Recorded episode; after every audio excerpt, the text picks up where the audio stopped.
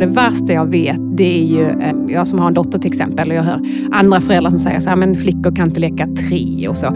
För mig, alltså det, det, det går igång så mycket eh, i mig när man säger sådana kommentarer. Jag är, ju, liksom, jag är uppväxt i, i sportens värld, i lagidrott.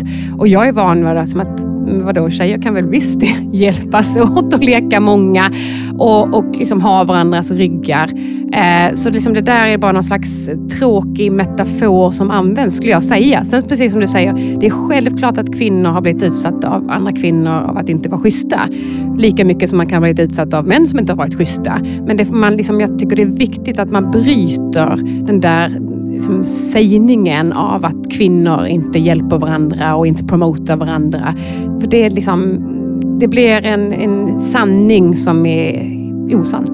Skulle man fråga mina barn vad jag säger oftast i vårt hem så, så är det så här, det är inte så noga. Och den parametern försöker jag verkligen leva efter. Så här, det är faktiskt inte så noga. Så länge det inte är någon som liksom skulle kunna dö på grund av hur man agerar så är det faktiskt inte så noga. Ja, i det här urklippet så pratar veckans gäst Charlotte Berg om två viktiga saker. Den första är vikten av att inte prata om hur kvinnligt samarbete är något som är nästan omöjligt. Ni vet, det där att vi slåss med näbbar och klor, inte kan umgås tre eller att argumentet “Jaha, men hur är ni kvinnor mot varandra då?” alldeles för ofta kommer upp i samtal om jämställdhet. Självklart förekommer det och är många kvinnors upplevelse. Men det är också otroligt viktigt att vi pratar om hur bra det faktiskt kan funka och vilken effekt det har när vi allierar oss. Det pratar vi en del om i veckans avsnitt. Det andra viktiga i urklippet är den delen om att ha inställningen att saker och ting inte alltid är så noga. Det kan bli lite som det blir liksom. Och ha den inställningen och att kunna separera person från prestation är så enormt viktigt. Och hur Charlotte lärt sig det, ja, det kommer ni också få höra om mer i det här avsnittet. Och innan vi drar igång så vill jag precis som vanligt tacka min fantastiska sponsor Excitec. Eftersom de sponsrar podden så har jag också råd att fortsätta producera den, så tusen tack för det, Excitec. Men nu, kära lyssnare, precis som vanligt, rätta till lurarna och dra upp volymen. För här kommer ett avsnitt med Charlotte Berg.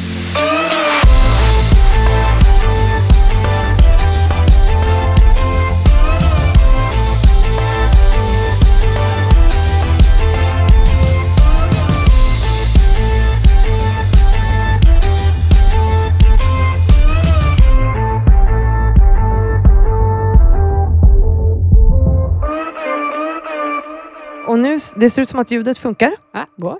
Så att eh, vi gör så här att vi säger hej, eller det gör vi inte. Vad tråkigt det blev.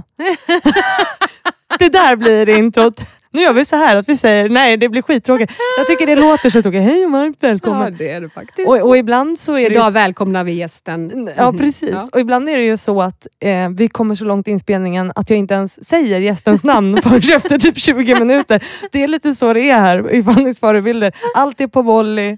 Vi hamnar där vi hamnar. Ja, det är härligt. Men välkommen Charlotte Berg. Tack. Hur är dagsformen?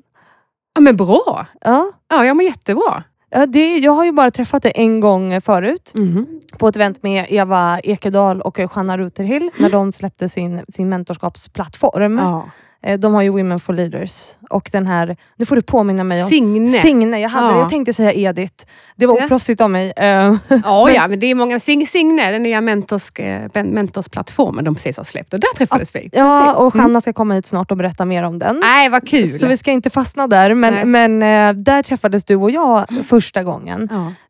Och, då, och redan då slogs jag av din så här, energi, att du är väldigt Alltså, en, på ett positivt sätt. Du är väldigt glad. ja, men det är jag. Det är jag. Jag såg ju det där Fanny och jag har ju följt dig länge. Ja. Eh, och så sa jag att du stod själv och då tänkte jag att då ska jag ju passa på att gå fram och eh, berömma dig för allt du gör. Ja, Eh, det, det var väldigt snällt av dig. Eh, och det är ju så när man går på sådana där mingel, på många känner man ju en massa folk och det gjorde Mm. jag ju där till slut också. Men jag kom som vanligt all, väldigt tidigt. Mm. och, och då hade det inte kommit så många så jag stod där och så kom du fram och räddade mig i minglet. Ja, nej, räddade gjorde jag nog inte. Men det var nog mitt sätt. Jag var, ju, jag, jag var lite starstruck av att se dig där. Jag, känner, jag har ju varit med i Women for Leaders länge, eh, vilket är jättehärligt. Och det är ju så många fantastiska kvinnor där. Eh, så jag blev glad när jag såg dig i, i minglet och tänkte att nu ska jag passa på. ja, vad kul. För Mm. Women for Leaders det är ju också ett ledarskapsprogram för kvinnor. Eh, Precis. och hur kommer det sig att du hamnade där? Liksom? Nej, men jag fick tips av en kompis till mig som hade gått den första omgången. Ja. Eh, och hon var så eh, begeistrad och lycklig över att ha fått ett, liksom ett kvinnligt nätverk och allt kring ledarskap man lär sig och få lära känna alla de här fantastiska mentorerna och co-designersen. Och så sa hon så här till mig, för det här är ju ganska många år sedan, då sa hon så här, men vad, Charlotte, vad gör du för att liksom bygga ditt nätverk och, och skapa liksom, hitta andra fantastiska... För jag, jag kunde känna att jag hade väldigt bra nätverk när det kom till, till män i näringslivet, men inte lika mycket kvinnliga kontakter. Mm. Så då sökte jag och så kom jag med. Eh, så att det, är, och det har ju gett mig otroligt, otroligt mycket. Så nu, jag gick ju första året ledarskapsprogrammet och så har jag varit mentor nu de senaste åren. Vilket är, nej, det är Eva och Janna, precis som du nämnde. Jag är, är otroligt tacksam till dem och allt eh, VFL har gett mig. Mm. Mm. Varför tror du att det är viktigt att ha liksom kvinnor i sitt nätverk? Ja, men, jag tror ju någonstans, alltså på grund av att näringslivet ändå är så pass ojämställt som det är fortfarande, det får vi ju ändå trots allt inse, så är ju, jag ska säga, jag har ju jättemånga fantastiska manliga mentorer och, eh, sponsorer. Men att träffa kvinnliga mentorer och sponsorer och eh, som har upplevt och upplever samma typ av utmaningar som andra kvinnor gör. Det är ju någonting som är... Ja, men det går inte riktigt att beskriva exakt hur mycket det ger, men det är ju en trygghet och att känna att man har de här händerna alltid i ryggen. Och oavsett vad, om det är glädje, vilket man liksom inser, och samtidigt som de gånger man hamnar i situationer som kan kännas obehagliga eh, eller utmanande, så vet man att men här, ja, då vet, du vet, ja, det finns liksom en hel stab av fantastiska människor som jag kan ringa och jag vet att jag kommer få hjälp. Och det är, ja, men det, det är en trygghet som jag inte har känt på samma sätt tidigare. Mm. Och jag är ja, men återigen otroligt tacksam för det nätverket och, och den communityn som de har, har eh, byggt upp eh, av bara ren och skär kärlek och ehm, men eh, respekt. Så. Och ingen konkurrens och jämförelse överhuvudtaget, utan verkligen bara genuin glädje. Vad är det för typ av utmaningar ni brukar prata om? Då? Alltså, vad känner du att det är som blir utmanande? Då, som, för du har ju varit, vi ska prata mer om vad du har gjort, och sådär, men du har mm. ändå varit i en, i en börsnoterad värld, Mm. eh, liksom, eh, inom vad säger, biomedicin. På, det låter ju superavancerat. och för mig blir ju bilden direkt så här, åh, vit medelålders man. Alltså, Ja. Eh, på något sätt. Mm. Och det kanske är fördomsfullt, men jag tror också att det kanske är ganska sanningsenligt. Ja, Men jag tror väl näringslivet överlag är väl ganska Mm. mycket den, den beskrivningen som du precis sa.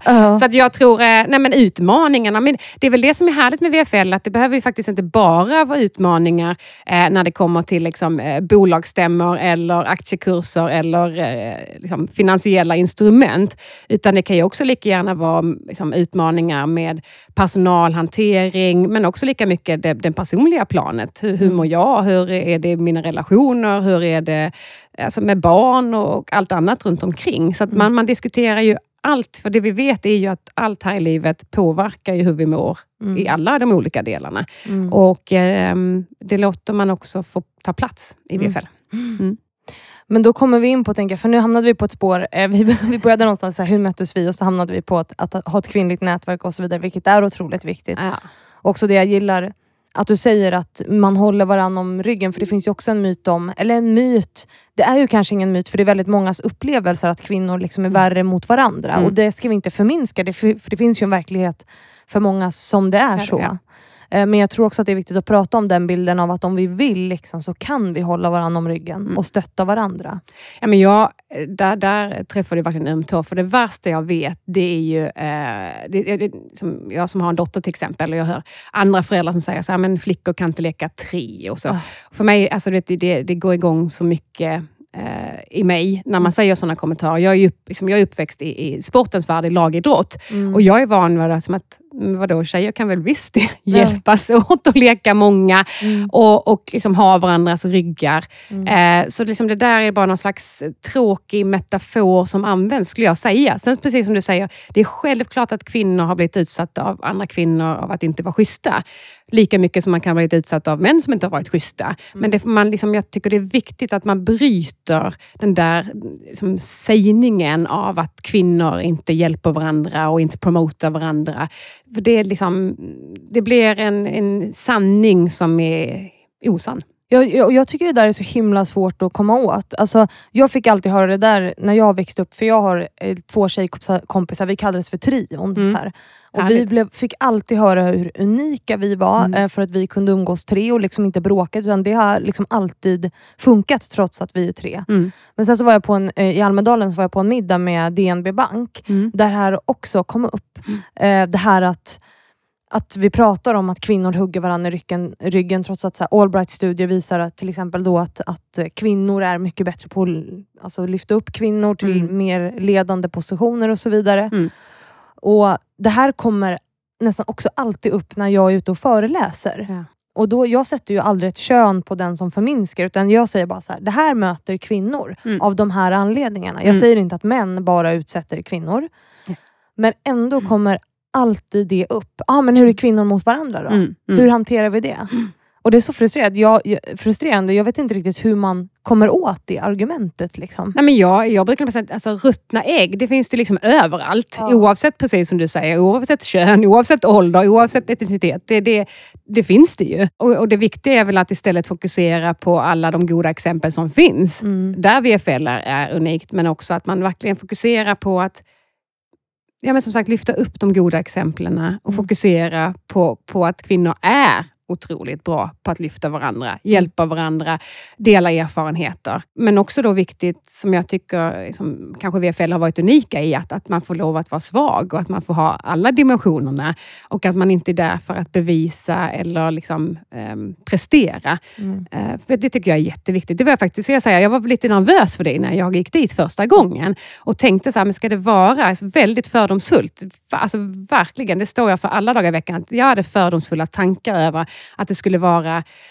10-12 eh, jätteframgångsrika personer så allt bara flyter på och de har liksom haft det enkelt och liksom är otroligt smarta och har ett välordnat liv. Och Sen inser man att men så där är det inte för någon. Nej. Ehm, Så, så det, är väl den, det är väl kanske det man måste prata mer om. Mm. Att alla är vi människor och alla har vi utmaningar. Mm. Oavsett om man liksom utifrån kan se det som att det har varit så extremt enkelt och en räkmacka för vissa, så är det ju aldrig det. Och nu har vi, alltså Women for Leaders och Eva och Hanna fått jättemycket bra Det har de marknadsföring. fått! Så nu hoppas vi att de lyssnar, att de lyssnar på det här avsnittet och blir superglada, eller hur? Ja, verkligen. Behöver vi reklammarkera? Vi utgår från att eh, liksom, statistiken på hemsidan ökar efter den här Ja, otroliga reklamkampanjen. Precis.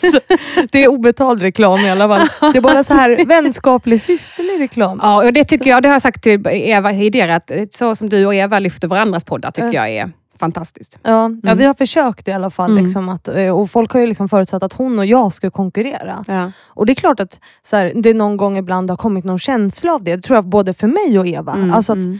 För man, vi lever ju också i en värld där vi ständigt jämför oss med varandra på något sätt. Så är det. Och då är det helt naturligt att det blir så. Ja. Eh, Men, men jag tror att både jag och Eva har varit väldigt medvetna om det, liksom hanterat det på ett sätt där vi lyfter varandra istället för att liksom bli det Mm. här som alla säger då, att vi ska då konkurrera ut varandra och vara otrevliga och Mm. snacka skit. Alltså att man, då, då kan man göra ett aktivt val. Ja, men nu känner jag så här. Hur ska jag agera utifrån det? Precis så. Ja. Och man lyssnar inte på bara en podd i veckan, så att det, liksom, Nej, men, nej, men det, precis. det finns plats för er båda. Ja, är man intresserad av det här så, så vill man ju lyssna på fler saker och sen tänker jag att vi är också, vi vill åstadkomma samma sak och då ska vi ju samarbeta, inte konkurrera. Nej, det är fint. Ja, nu Mm. ska inte det här handla om mig, utan det här ska handla om dig. Men någonstans hamnar vi där, för jag tycker att det här är en viktig fråga. Ja, men vi brinner ju för samma sak Fanny, så det tycker jag bara är kul. Ja, Bra. Så nu har vi reklam för Eva, för mig, Och för för dig. Och så att det blev liksom... Var, super... Var vi klara nu, Ja, då, tack för att ni har lyssnat. Nej, jag skojar. Nej, för nu ska vi prata om dig, eh, Charlotte. Eh, och jag tänker så här, nu har det gått en kvart redan. Eh, men vem är du? Alltså vem är Mm. Charlotte Berg? Ja, men jag tror någonstans så smyger det väl ändå fram att man hör att jag är en skåning. Ja, precis. Ja, men som har bott eh, här uppe i, i 20 år, så nu är det ganska länge sedan. Jag har ju varit liksom längre här än vad jag var hemma, men ändå Mm. så säger jag väl hemma om Skåne fortfarande. Mm. Men ehm, ja, uppväxt mitt ute på landet Mm. eh, med ehm, Ja, men I början, jag brukar säga det, att jag hade ju ett väldigt lyckligt liv eh, de första åren i mitt liv. Mm. Gemytligt. Men, men sen då när jag var sju år så, så var det att min pappas företag gick i konken Mm. på grund av finanskraschen då i början på 90-talet. Mm. Eh, och i samband med det så förändrades ju såklart hela mitt liv, hela vår familjs liv. Men någonting som jag tänker är, har varit gott för mig. För Mm. att det har också förhoppningsvis gett mig betydligt större perspektiv. Och väl också, eftersom jag då är liksom uppväxt med en mamma som har kämpat sig igenom det här missbruket tillsammans med oss barn. Ja, för han blev Eh, alkoholist va? Han blev alkoholist, Mm. precis. Exakt. Och blev ju, ja men efter det, var ju alkoholist fram till den dagen vi valde att lämna och det var tio år senare. Så att Mm. egentligen hela min uppväxt, hela min ungdom är ju i det här missbruket. Mm. Och genom att... Ja, men jag brukar tänka att det har ju, som sagt gett mig mer perspektiv, sett min mamma kämpa för att kunna ta hand om en familj Mm. och allt liksom, som kommer med det. Och mamma är ju liksom förskolefröken som jobbat på, på förskola, vilket man ju då förstår inte är väl betalt, trots allt jobb som de lägger ner. Eh, Så att en ödmjukhet över att livet är faktiskt inte alltid så enkelt och man kan inte ta någonting för givet. Och också den här känslan av att ska jag åstadkomma någonting så kommer jag inte få det serverat, utan det är verkligen upp till mig själv att eh, ta de stegen jag behöver göra. Mm. Så att eh, den här, jag, många säger att jag har ett, ett driv och eh, som du säger så har jag haft en glädje när jag kommer, men det kommer ju mycket från det. Liksom. Jag är tacksam för livet, jag vill åstadkomma saker och jag vill eh, driva saker framåt. Hur yttrade sig hans alkoholism? Eller jag vet inte om man ställer frågan så, men liksom, vad var men det det- som hände? Han började dricka mer och mer och sen så... Ja, men jag tror han, han hade ju ett, eh, ett företag då på 80 och början på 90-talet och i, på den tiden så hade man ju drinkvagnar inne på, på liksom vd-rummet och i styrelserummen. Och Mm. man, man tog en whisky i samband med att man skulle skriva avtal. Och, ja, men nästan så här lite Mad Men, eh, om man har tittat på den serien, liksom, lite nästan det där stuket av Mm. Eh, alkohol som var så eh, accepterat i de här sammanhangen. Och när det då gick som det gick, då tror jag att det var så enkelt för honom att fly in i alkoholen. Mm. Det fanns ju redan där någonstans i bakgrunden. Mm. Och har man varit, som han då var, var en, en framgångsrik person, väldigt omtyckt, eh, väldigt... Eh, mm, ja, men i, vi bodde i en liten, liten by, så omtalad som en, som en framgångsrik människa, Mm. så var fallet alldeles för stort för honom för att kunna hantera det. Mm. Det var hela hans person på något sätt. Det var hela hans person. Och, och liksom, När jag jobbar mycket med att skilja på prestation och person, så hade han nog inte riktigt kommit så långt i sitt mindset. Utan det var ju liksom, hans prestation var hans person och Mm. utan sitt företag så var han inte mycket värd, tyckte nog han. Mm. Och då var det lättare att, att ta till alkohol. Mm. Så att, eh, det är klart att det fanns korta perioder där han var nykter Mm. eh, och genomgick olika program. Men, men eh, överlag så var det ju en, ett, ett enda långt missbruk. Och då liksom, slutade han jobba helt och, Ja, Nej, men han låg på soffan. ja, Mm. i tio år typ. Ja. Ja. Mm. Och det är ju inte särskilt kul att, att leva med. Nej, Varken som partner eller som barn. Eller... nej, det är klart att det är... Nu ska jag säga att jag kommer ju från en liten by och um, där jag också insett med tiden och liksom tillsammans med mina syskon och våra vänner, för det här var ju någonting man pratade om bara i sig kan jag tycka är hemskt. Mm. Eh, det var ingen som frågade fastän alla visste. Mm. Men också insåg man ju att vi hade väldigt många vänner som var med om ungefär samma typ av, av, av em, hem. Mm. Och det gjorde väl kanske sitt till, liksom, att folk hade mycket att fokusera på själva. Men det är Mm. klart att jag tycker att eh, föräldrars, eh, alltså kompisars föräldrar kanske inte agerade så som jag själv hoppas att jag gör med mina barn och Mm. deras kompisar. Mm. Han, ja, han låg på soffan. Så det blev han då nykter ibland och då kunde han starta ett nytt företag och Mm. köra på igen. Mm. Tills han då liksom... Eh, han, var väldigt, han kunde ju säga nu ska jag vara nykter ett halvår. Då var han nykter ett halvår och på dagen efter ett halvår så började han dricka igen. Ja. Så det var ju ett... ehm, men vi hade ju inte ekonomi att kunna ta oss därifrån, helt Nej. enkelt. För Det- din mamma var förskollärare och fick försörja alla och liksom Ja, slita som ett as då antagligen. Ja, verkligen. Mm. Eh, för mig och då mina två äldre syskon. Mm. Så det var ju först när mina två äldre syskon hade flyttat hemifrån som jag och mamma kunde packa våra väskor och flytta tillsammans. Och då försökte jag, jag jobbar ju halvtid under mina gymnasieår, Mm. också för att kunna hjälpa till och för att vi skulle kunna ja, men säkerställa att vi skulle klara oss. Mm. Mm. Och hur, det här har du omvandlat till någon typ av drivkraft, att liksom se glädjen på något sätt. Ja, men jag tror verkligen, absolut. Alltså jag tror man ska inte ta någonting för givet. Nej. Man ska definitivt inte förvänta sig att någon annan ska göra en lycklig. Nej. Eh, jag tycker man hör i dagens samhälle, men även i liksom den tiden, att det är många som förväntar sig att andra ska liksom hjälpa en framåt. Mm. men någonstans måste man inse att det är mitt eget agerande, eh, mina relationer, Mm. eh, min utbildning såklart, Mm. eh, so, som kommer ta en framåt, om det är Mm. det man vill. Mm. Och det blev så, ja, jag upplevde absolut att det blev en, en drivkraft hos mig. Sen kan man ju absolut debattera kring att jag säkerligen gjorde det som att jag ska visa dem att jag, min själ och dag inte är likadan. Mm. Eh, och Det är väl någonting jag har behövt jobba med väldigt mycket i vuxen ålder. Att Mm. jag inte behöver bevisa, varken för mig själv eller för någon annan, att jag är kapabel. Mm. Eh, för det hade jag... Eh, jag är, ju jättefostrad i mig själv av att liksom prestera. Prestera Mm. i idrotten, prestera i skolan, prestera på jobb. Mm. För att verkligen, liksom, som sagt, ta den här väldigt tydliga eh, ståndpunkten från att inte vara alkoholistens dotter. Liksom Mm. så. Mm. Mm. Och Du var inne på det lite innan, att det var liksom eh, din pappas problem lite grann, att han inte kunde skilja på prestation och, och person. Mm, Eh, Vilket du, och det är det du är inne på nu också, att Mm. kunna skilja på det. precis. Hur, hur gör du det? För det är ju svårt för många. Alltså, och många blir ju... eh, Jag, håller på, jag gör alltid reklam för den här boken, men jag skriver en bok om att döda sin inre perfektionism. För det här är ju perfektionism Mm, exakt. eh, som ju man drabbas av i dagens samhälle och kanske framförallt om man behöver bevisa något för andra och för sig själv. Att jag Mm. är inte alkoholistens dotter. Ja. Liksom. Mm. Eh, och vi alla bär ju på något sätt med oss någonting sånt, tänker jag, från våra bakgrunder. Mm. Eh, Och det är svårt i Ja. vårt samhälle idag, att skilja på prestation och person. Jättesvårt. Hur gör du det? Men jag tror att första gången jag kom i kontakt med det, det var när jag spelade innebandy. För innebandyn har ju varit en väldigt stor del av mitt liv. Mm. Och när jag kom, flyttade till Uppsala för att plugga och börja spela ett lag där, Mm. då fick jag en, en tränare eh, som är en av mina absolut bästa vänner fortfarande, Anders. Eh, som är ju då 20 år äldre än mig och betydligt liksom varit mer världsvan än vad jag var. Jag var ju liksom 19. Men han förklarade ganska snabbt för mig skillnaden på person och prestation. Mm. Och Det var första gången jag hört det. Jag hade liksom aldrig kommit i kontakt, jag hade liksom tänkt de tankarna. Mm. Och det, det drabbade, alltså jag kommer fortfarande ihåg det här samtalet och det drabbade mig så hårt. Och sen dess har jag ju verkligen jobbat på det. Men precis som du säger Fanny, jag är ju långt ifrån färdig i det arbetet. Jag har definitivt någon typ av duktig flicka i mig. Jag har Mm. definitivt någon typ av liksom presterare i Mm. mig. Det är ju också den anledningen som har tagit en dit man har kommit. Mm. Men, men, eh, och det är lätt att när allting går jättebra, att rida på den vågen. Och sen när det helt plötsligt händer saker, det är ju då det smäller till och det smärtar igen. Mm. Och då jobb, alltså, nej, men jag hela tiden medveten om det, reflekterar kring det. Vad var det din tränare sa till dig? Som du... Nej, men jag, det var väl det här med, då spelade jag ju innebandy och liksom vi tog ju det där så seriöst man kunde göra. Ja. Nu i efterhand kan man ju tänka att det var lite, kanske lite väl seriöst. Men, och då handlade det ju verkligen om att hade man inte varit vunnit, hade man inte presterat på planen, Mm. så, så tyckte man väl knappt att man var va- liksom vattenvärd och att man liksom gick och ältade och var Mm. nedstämd. Och, Mm. och det är ju så, man kan ju inte låta ens prestation påverka ens välmående i stort. Mm. Då har det ju gått alldeles för långt. Mm.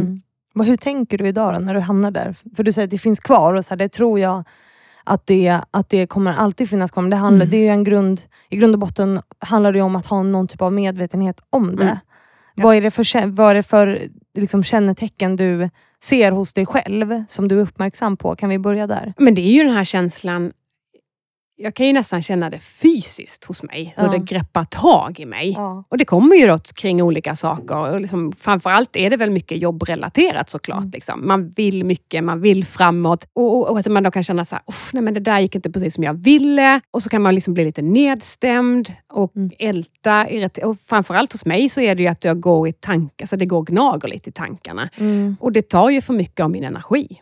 Så. Och Mm. jag försöker ju liksom att när jag är med familjen, gör andra saker, att jag då liksom inte ska gå och liksom tänka på saker som inte fungerar på jobbet. För det kommer Mm. inte göra mig som varken en bättre medarbetare eller en bättre liksom, mamma eller partner. Mm. Eh, eller vän för den saken. Så jag tror att då, då handlar det mycket om det här att kunna bryta, kunna reflektera. Och jag, där, jag har fått tips om att skriva en, en tacksamhetsdagbok nu, som jag bara gjort i några, några veckor. Ja. Men det, det har hjälpt mig jättemycket. att få, Men vad är, det, vad är man tacksam över? Mm. Och hur lätt det är att kunna hamna i, i positiva spiral istället för att hamna i den negativa spiralen. Liksom. Mm. Mm. Ja, för det är så himla lätt att fastna där. Då måste man ju bryta det. Mm. Men det är ju inte lätt. Nej, det är inte lätt och det behöver man jobba för. Men för mig, och det är väl, nu har vi gjort reklam tillräckligt för, för Jeanne och Eva, men mycket... Vi kan fortsätta med det. men jag tror mycket hamnade men kring den här reflektionen, som jag tidigare inte hållit på med. Mm. Eh, det har jag gjort liksom nu i fyra, fem år tillsammans med en, en kompis som jag fick genom VFL. Mm. Eh, och vi har haft kört fredagsreflektion varje vecka sedan dess tillsammans. Och Det är så lätt att när man är driven och man vill framåt och man har mycket energi, att man bara kör och kör och kör och kör. Mm. Men att det här varje vecka bara stanna upp och bara så här, vad har jag känt den här veckan? Vad har jag lärt mig den här veckan? Alltså, det är så viktigt i Mm. det där, för att man också då kan titta tillbaka. Liksom. Mm. Men nu känner jag på samma sätt. Vad, gjorde, vad var det sist som gjorde att det triggade mig på det här sättet? Liksom? Mm. Mm. För det är mycket det. Vi har ju alla våra triggerspunkter, precis som du säger, som Mm. får oss att spinna igång och hamna i gamla mönster. Mm. Och då handlar det mycket om det att reflektera kring att okej, men nu känner jag på det här sättet på grund av det här. Mm. Och i mitt fall så finns det ju saker såklart från min barndom som kan trigga mig och då Mm. behöver jag jobba med dem, de Mm. delarna hela tiden. Går du att prata med en psykolog? Ja, men jag går hos en coach. Ja. Eh, Jag går en VD-coach som Mm. är fantastisk och han, han är väl i grund och botten psykolog. Mm. Och han, vi jobbar ju jättemycket med de delarna. Mm. Eh, absolut. Jag tror att alla, om man har möjlighet, skulle må bra av att gå hos någon typ av psykolog, terapeut, coach, Mm. vad det nu kan tänkas vara. Mm. För att eh, livet går upp och ner och man behöver reflektera över ens olika... Alltså hur man reagerar på saker och ting. Hur man ag- agerar och hur man hanterar det. Ja, hur man förhåller sig till olika saker. Exakt. Det handlar ju också om att, att liksom, kanske ta sig själv på lite mindre allvar. Precis. Alltså, eh, för det är ju lätt att fast, alltså man tar sig själv på så himla stort allvar och Mm. det där kan jag tycka att så här, sj- självutveckling och att optimera sig själv hela tiden handlar ju om det. Så här, Mm. hur kan jag ständigt bli bättre? Mm. Och då blir det ju att allt handlar om en själv Ja. och att man tar sig själv på väldigt stort allvar Mm. och det gör att allt blir mycket svårare att hantera. Ja, så är det.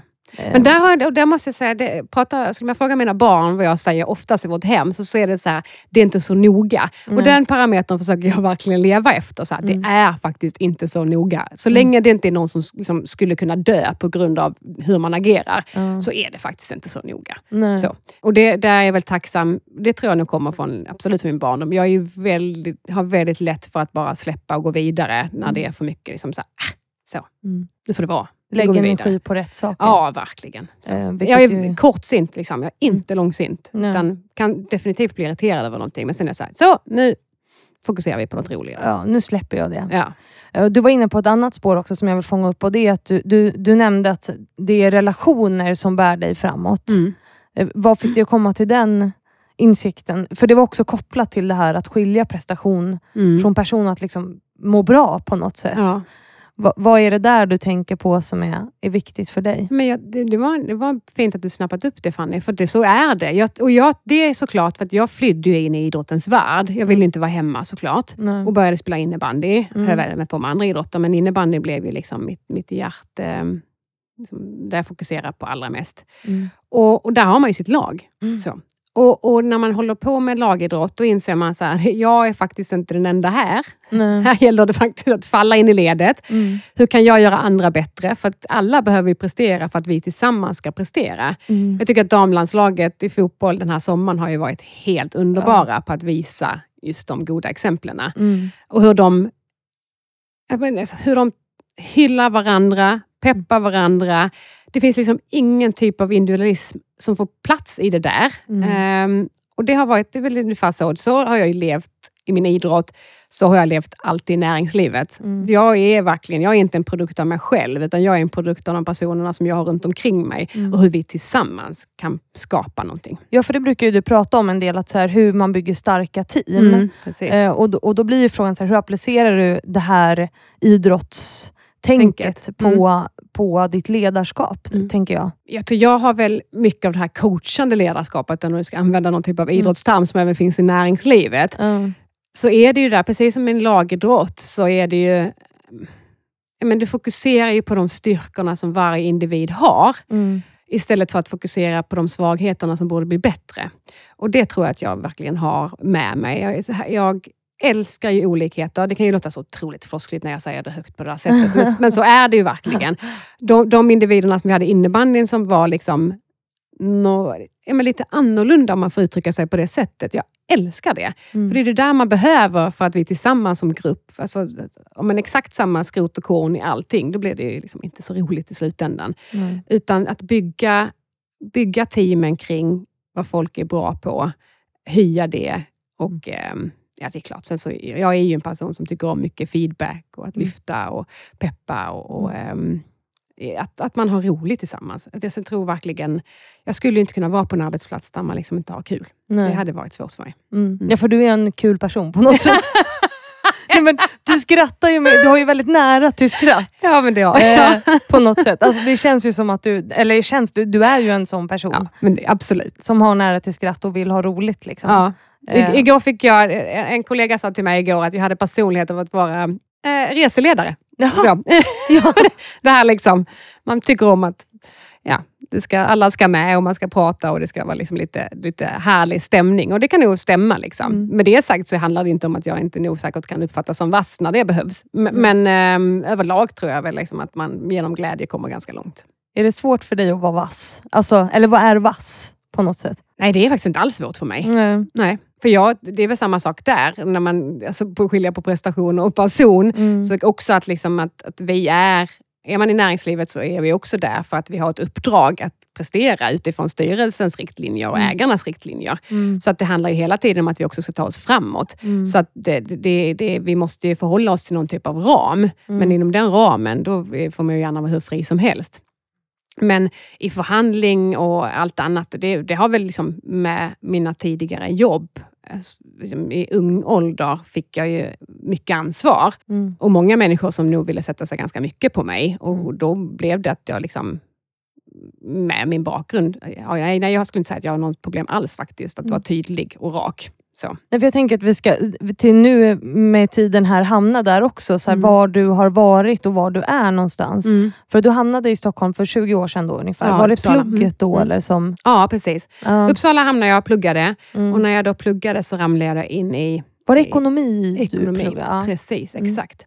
Ekonomi och handelsrätt eh, pluggar jag. Och, och då ramlade jag in i, precis som du sa, man säger medicin till, eller jag tror, vad sa du? Ja, Biomedicin. biomedicin Ja. eller medicinteknik det- eller något sånt Allt det där. där för, för gemene man, även för mig, är ju Mm. liksom en, en ganska vag. Vad är det egentligen vad? Ja. Men jag, kan man säga, jag hamnade inom diagnostik, det vill säga att man liksom gör tester innan någon ska kunna få medicin. Om man ska extremt Det förenkla känns det, otroligt hela. avancerat. Ja. Ja, men det är det ju. Jag fattar Mm. ingenting. Det Jag fattar ingenting. Nej, men det gjorde jag inte. Jag sökte ett sommarjobb, Ja. hamnade på ett ställe som jobbar med HIV-diagnostik. Det vill säga man Mm. tittade genom blodprov om människor hade HIV och aids. Mm.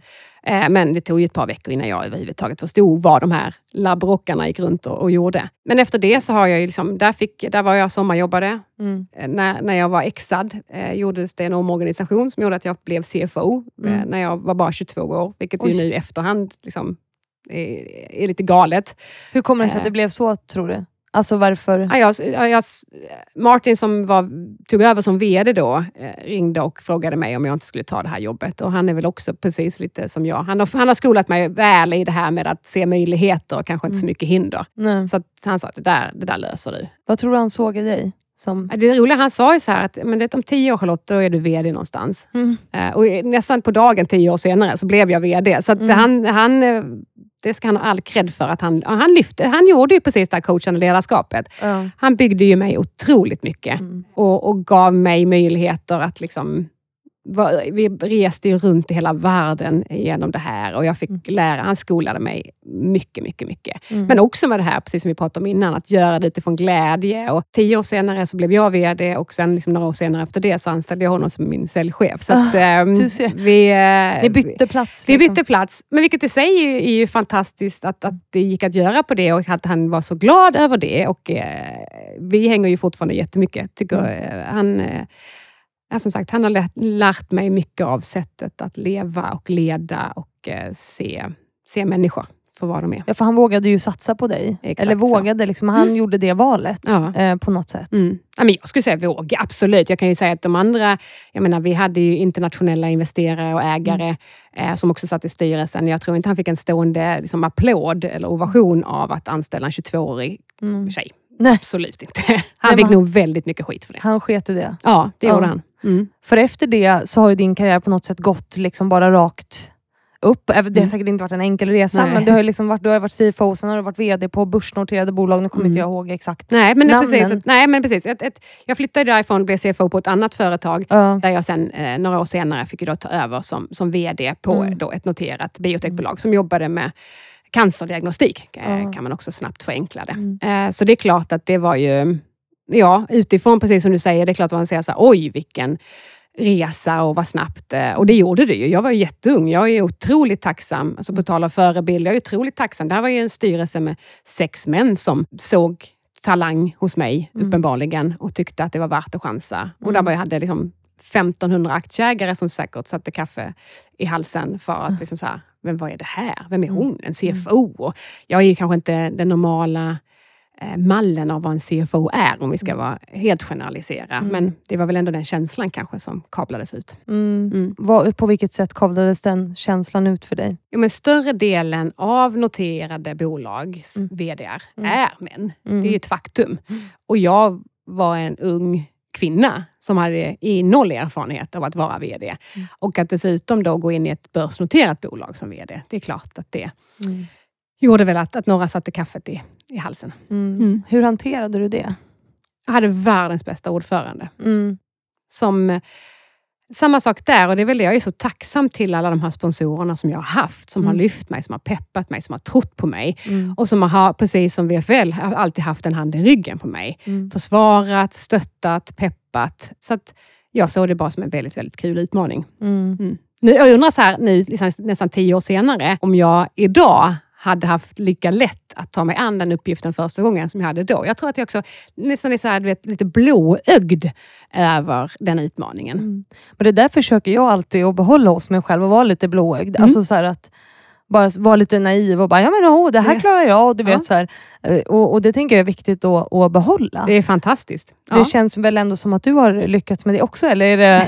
Jo, absolut. Jag är ju väldigt mycket, jag styrs ju inte av en mall vad man borde göra, utan jag styrs ju väldigt mycket av vad jag känner för och vad jag Mm. vill. Mm. När jag hoppade vidare från det där jobbet liksom, och tog ju då ett rent techbolag genom Mm. en börsnotering, Mm. för att sen hoppa vidare till IMR, där jag är nu. Mm. Då var det ju många, alltså då hade jag ju varit liksom i, i börsnoterad värld i 15 år och Mm. helt plötsligt hoppade jag av den där börsnoteringsresan och eh, hoppade in i IMRs sfär. Mm. Och då var det många som var liksom så här, det där var inte strategiskt bra och det där såg man liksom inte komma. Och det, är så här, det skulle jag faktiskt inte kunna... Alltså jag, ursäkta uttrycket, men det skiter jag Ja. totalt i. Så, Ja. För det där ville jag. Nu, alltså, IMR är ju min passion. Liksom. Och att få jobba med det med, utifrån de personerna som är, har startat IMR Mm. eh, och investerar i IMR och med den visionen om att på sikt förändra folkhälsan, Mm. då eh, fanns det ingen annan resa för mig att, än att gå dit. Nej. Mm. Och Vi ska prata mer om IMR, för ni jobbar ju med en väldigt intressant sak. Men det är en, en sak till jag bara vill eh, avrunda med innan vi går vidare till det spåret. Och det är, för Du var inne på det innan och jag försöker nu som intervjuare här knyta tillbaka lite grann till samtalet. Du som gör det bra Fanny. Ja, tack. eh, nej, men för Du pratade om att så här, det som har burit dig dit Mm. Du är, är, är dina prestationer på Mm. något sätt. Mm. Eh, för det, ibland låter det som att man säger, ah, men och sen så var det någon som stöttade mig och du vet så här, och så är det folk som har hållit mig om ryggen. Så här, men någonstans så har ju du antagligen jobbat jävligt hårt. Ja, visst är det så. Hur, hur hårt har du jobbat? Jo, men blandat skulle jag säga. Det är klart att jag har jobbat hårt. Men även där skulle jag säga att i liksom mitt första vd-uppdrag och den här ordföranden jag sa, han var så otroligt noggrann med att när jag jobbade på kvällarna Mm. så skickade han tillbaka och sa lägg av. Mm. Lägg av. Du ska Mm. inte jobba nu. Mm. Du måste hålla. Du måste... Så han, var, han, han gav ju mig en balans som Mm. jag tror att jag kanske inte hade skapat av mig själv. Nej. När jag sen gick vidare till nästa uppdrag så hade inte jag samma typ av stöttning. Nej.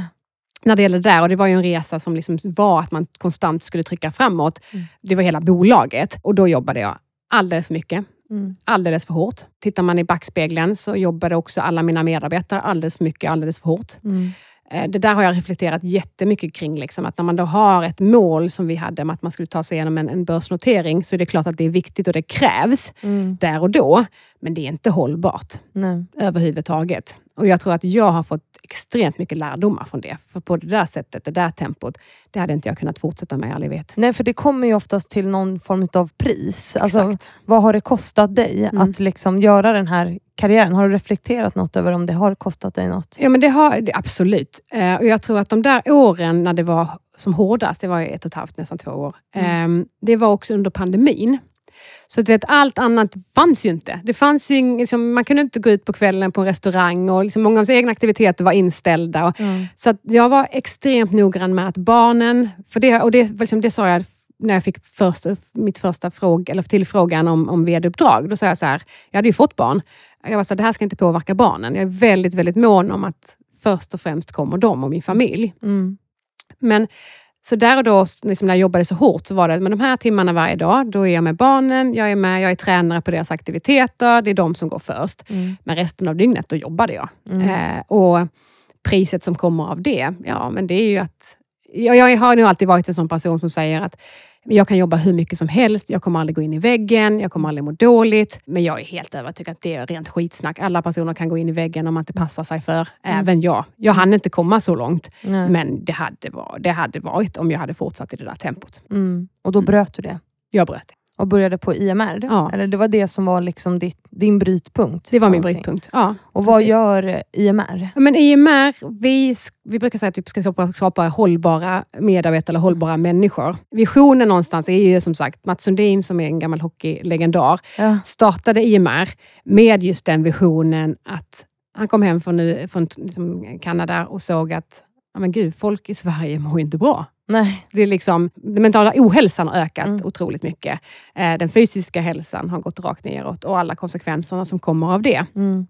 Och då gjorde man att, ja, men vad, vad ska vi göra för att kunna påverka det? Och då startar man IMR. Mm. Så just nu så jobbar vi med, genom bolag som Mm. då signar upp sig hos oss, och så jobbar vi med att varje medarbetare får en personlig hälsorådgivare, en Mm. expert kring alla typer av levnadsvanor Mm. som påverkar dig och ditt välmående. Mm. Så att då har man liksom kontakt med sin hälsorådgivare. Eh, man har ett digitalt stöd för att också kunna underlätta eh, det arbetet. Men det handlar ju att i grund och botten så handlar det ju om att vi eh, lever på ett sätt som gör att vi inte mår bra. Mm. Så är det ju. Och det är skrämmande. Vilka faktorer är det ni tittar på då? Allting, alltså våra hälsorådgivare, de är utbildade i liksom egentligen alla delar som påverkar ditt välmående. Mm. Så det kan ju komma till återhämtning, sömn, kost, fysisk aktivitet Mm. och allt annat som kommer liksom runt de delarna. Mm. Så det är mycket vi är stillasittande, folk har mycket smärta. Mm. Ja, det, det, så att det är det som är, är det unika med IMR är ju att varje medarbetare får sin egna unika Mm. hälsoplan. Man kan ju inte komma och säga till ett företag att nu ska alla förändra sina levnadsvanor genom att göra X, Y, Z. Nej. Utan det handlar ju helt och hållet. Är du en 30-årig vältränad kvinna? Är du en 50-årig kvinna som har utmaning med klimakteriet? Eller, det, det finns ju så många olika typer och då Mm. måste man ju hitta, hitta lösningen utifrån varje individ. Vad är det som är så skrämmande som du säger med det ni hittar? Liksom? Nej, men det skrämmande är ju liksom att vården, nästan 70 procent av alla fall som öppnas i vården nu är på grund av psykisk ohälsa. Mm. Det tycker jag är så enormt skrämmande. Ja. Jag, menar, jag har jobbat som sagt med cancerdiagnostik i 15 år. Då stod man och pratade om att cancer och hjärt och kärlsjukdomar var de största orsakerna till ohälsa i Sverige. Mm. Och sen på ganska kort tid Mm. så har ohälsa, den psykiska ohälsan exploderat. Mm. Och vi, menar, för varje kull som kommer in i arbetslivet så är de ju sämre och sämre rustade för att utsättas för stress och press. Och ja, jag, är orolig, det är jag verkligen. Men, men jag blir också intresserad av hur, eh, hur det här hänger ihop med, med generationer också. Mm, mm. Ser ni till exempel att en yngre generation har lättare att bli stressad och påverkad av... Mm. Så är det. Ja. Det ser man ju. Och det, det viktiga med IMR det är ju att allt vi gör är baserat i forskning. Så vi har ju fantastiska eh, advisors som kommer från men fors- som, som är professorer och fors- forskare kring Mm. de här delarna. Eh, och, och det vet vi ju att på grund av sättet våra barn och ungdomar lever, Mm. så är de också sämre rustade. Mm. Och det handlar ju mycket med eh, den digitala världen vi lever i, Mm. att vi rör oss mindre, vi Mm. äter sämre. Mm. Eh, alla de faktorerna gör ju att, att ungdomar som sen ska in i näringslivet inte mår bra. Den psykiska ohälsan är ju som störst i de yngre generationerna och sen så Mm. rör det sig uppåt. Ja, och då, då är frågan, för det är något jag har reflekterat över, människor som är yngre än mig. Nu är jag ju inte gammal, jag är ju 34 snart. Mm. Liksom. Men, men, men jag har människor i min omgivning som är yngre som blir jättestressade, jättekänslor. Mm. Men, men jag undrar så här, vad är, vad är egentligen, alltså vad är inte lösningen på problemet? För jag tänker, vad är egentligen bäst? Är det vi som så här, "Ah, kämpar på och bara är som, du vet, så här, Ja. kör järnet? Mm. Eh, eller är det faktiskt bra att, vi, att, vi, att det kommer en generation som inte klarar av det här jäkla trycket som finns på oss? För att Mm. det är ju inte heller bra, för vi upprätthåller ju också en norm som gör att människor inte mår bra. Alltså, Nej. Jag förstår precis vad du först, menar alltså, Fanny. jag vet inte om det Jag blev luddigt nej, nej, nu, jag men- förstår precis vad du menar. Men jag Mm. tror att eh, det som blev tydligt för mig när jag kom till här, det var att vi pratade om överkapacitet. Ja. Eller en buffert brukar vi prata om. Mm, Och det är ju det att sättet du lever, mm, det gör ju också att du kommer orka mer beroende på hur mycket belastning du får. ja. Sen kan man inte alltid ha belastning på sig. Det kanske har varit mitt största uppvaknande genom de här åren. Det är så här, jag kan inte ligga på 120% belastning hela tiden. Jag måste ha återhämtning, jag måste ha vila. Mm, Eh, och så är det för alla människor. Men alltså belastningen ligger ju där. Det ligger varje dag. Du, om man har ett arbete, man har ett privatliv, folk kanske har sjuka föräldrar, sjuka barn och så Mm. vidare. mm, Och då gäller det ju att hitta en buffert som gör att man orkar. mm. Och höja, så att istället för att man hela tiden liksom nästan ska ha näsan i väggen eller huvudet liksom i taket av att man känner att det är för mycket. Precis som du säger om dina bekanta som känner att liksom, "Ja, men jag Mm. pallar inte mer nu. Nej. Enda sättet brukar vi prata om då, det är att man höjer taket. Ja. Och enda sättet du ska höja taket, det är att du hittar de här verktygen i din vardag Mm. som gör, och då kommer vi till, då måste du förändra dina levnadsvanor. Mm. Och det är, och det, när jag säger att vi ska förändra levnadsvanor så handlar inte det om att vi ska bli veganer, eh, aldrig dricka alkohol, eh, springa 10 mil i veckan. Det handlar inte om det. Nej. Så det handlar oftast bara om små, små justeringar som kommer till lite bättre, mer medvetna val. Mm. Eh, och sen hitta den här återhämtningen, Mm. inte minst från den digitala världen. Jag Mm. tror det är mycket av, av det att vi är konstant påkopplade. Hjärnan är ju hela tiden i ett mode av att liksom vara uppkopplad. Det där tränar jag ju på att lägga bort min telefon. Jättebra. För att jag är superdålig på det. Jag kan Mm. inte typ titta på en serie. Jag sitter med telefon. Alltså, Ja. nu, är jag, så nu lägger jag telefonen i ett annat rum. Ja. Det är Eh, nästan det man måste göra, för annars är ju hjärnan där hela tiden och bara, Mm. tänk så har det kommit någonting, tänk så har det kommit någonting. Och att gå ut i skogen utan digitala hjälpmedel, Ja. den återhämtningen du får där, det, det, det kan du inte betala någon specialist för dig att ge, utan det, det är faktiskt gratis. Mm. Men det behöver din hjärna och det Mm. behöver din kropp. Ja, men, och, och Det här är ju en del av det ni jobbar med, alltså Mm. att hä- hälsoundersökningar och liksom på individnivå kolla så här, vad, hur kan vi förbättra eran, eran levnadsstandard på något sätt. Mm. Men sen så pratar ni också om hälsofrämjande ledarskap, eller hur? Ja, precis. Och, och Det här är också en fråga från min sponsor Excitec. Alltså Mm. vad, vad är ett hälsofrämjande ledarskap då? Om vi tittar på så här, hur, hur jobbar man med det?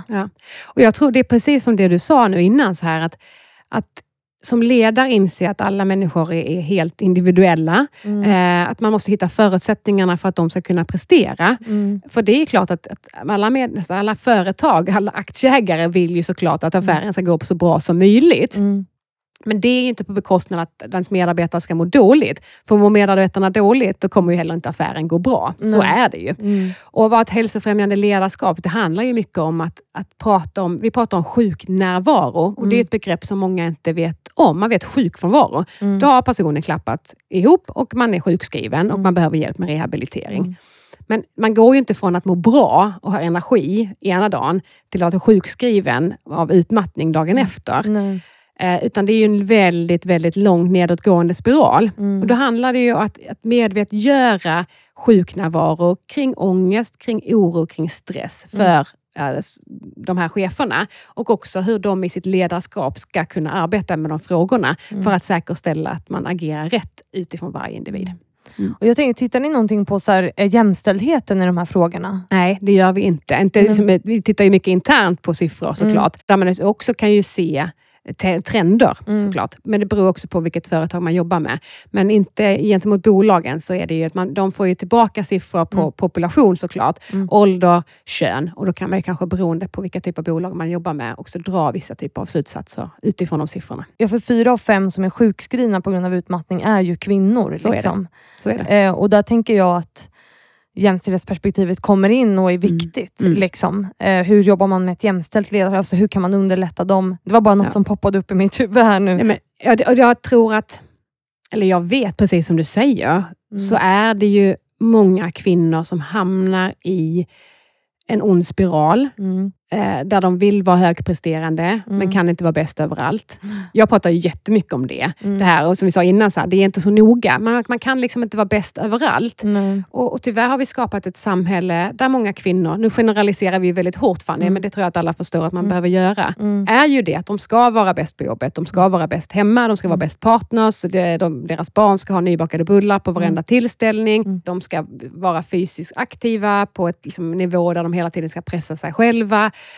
Linnegarderoberna ska vara rensade och så vidare. och så vidare, och så vidare. Och Det är ju inte hållbart. Man får inte glömma att samhället med de här långa arbetsdagarna skapades utifrån att det var en person i hemmet som jobbade. Mm. Och helt plötsligt så ska det vara två personer i hemmet Mm. som ska jobba lika mycket. Mm. Och vi har ju inte gjort några förändringar utifrån det, utan liksom belastningen när det kommer till privatlivet ligger ju kvar, Mm. samtidigt som man då ska prestera på sin arbetsplats. Och det, ju, det hör vi ju själva, det är inte hållbart. Och tyvärr så är det många som går i den kvinnofällan. Ja, och det är, ju, alltså, det är ju som att kvinnors frigörelse straffar sig där. Men det hänger ju också vä- väldigt mycket på att män också, alltså att män kliver in och tar halva ansvaret, vilket ju är... Eh, så att det, man kan inte heller bara lägga skulden på kvinnorna eh, i det fallet, utan att män måste ju kliva fram och så här, det är också hälften av ditt ansvar. Absolut. Och det är också någonstans där det brister, tänker jag. Mm. Och sen hänger det här också ihop med, med den digitala världen som du pratar om, där Mm. vi ser i sociala medier, i alla medier överallt, den lyckliga Mm. kärnfamiljen och kvinnan gör det här. Och Vi ser hur alla har välstädade hem och Mm. Tränar och träffar kompisar och hinner med allt. Allting, ja Ja, precis. och det, Mm. det är klart att det påverkar oss. Liksom. det, det gör det ju jättemycket och jag tror att man att bara prata om sakerna gör ju Mm. sitt till. Mm. Sen handlar det om att bryta traditioner. Mm. Jag, menar, jag är ju som tur var lyckligt gift med en man som tar allt det här ansvaret och det har ju inte funnits något annat alternativ såklart för att Mm. vi ska kunna få ihop det.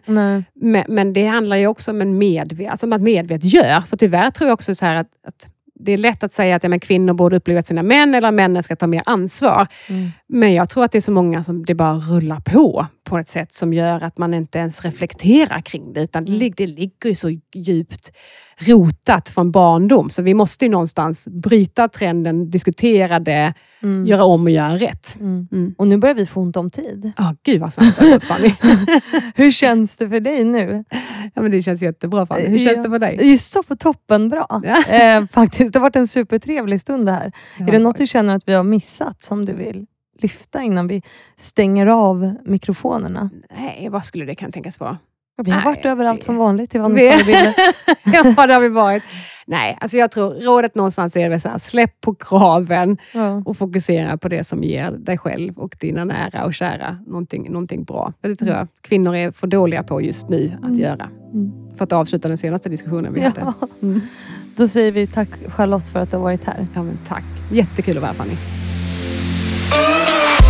Och tusen tack till alla er som lyssnat på veckans avsnitt. Jag hoppas ni får en bra vecka och så hörs vi ju på onsdag igen, precis som vanligt.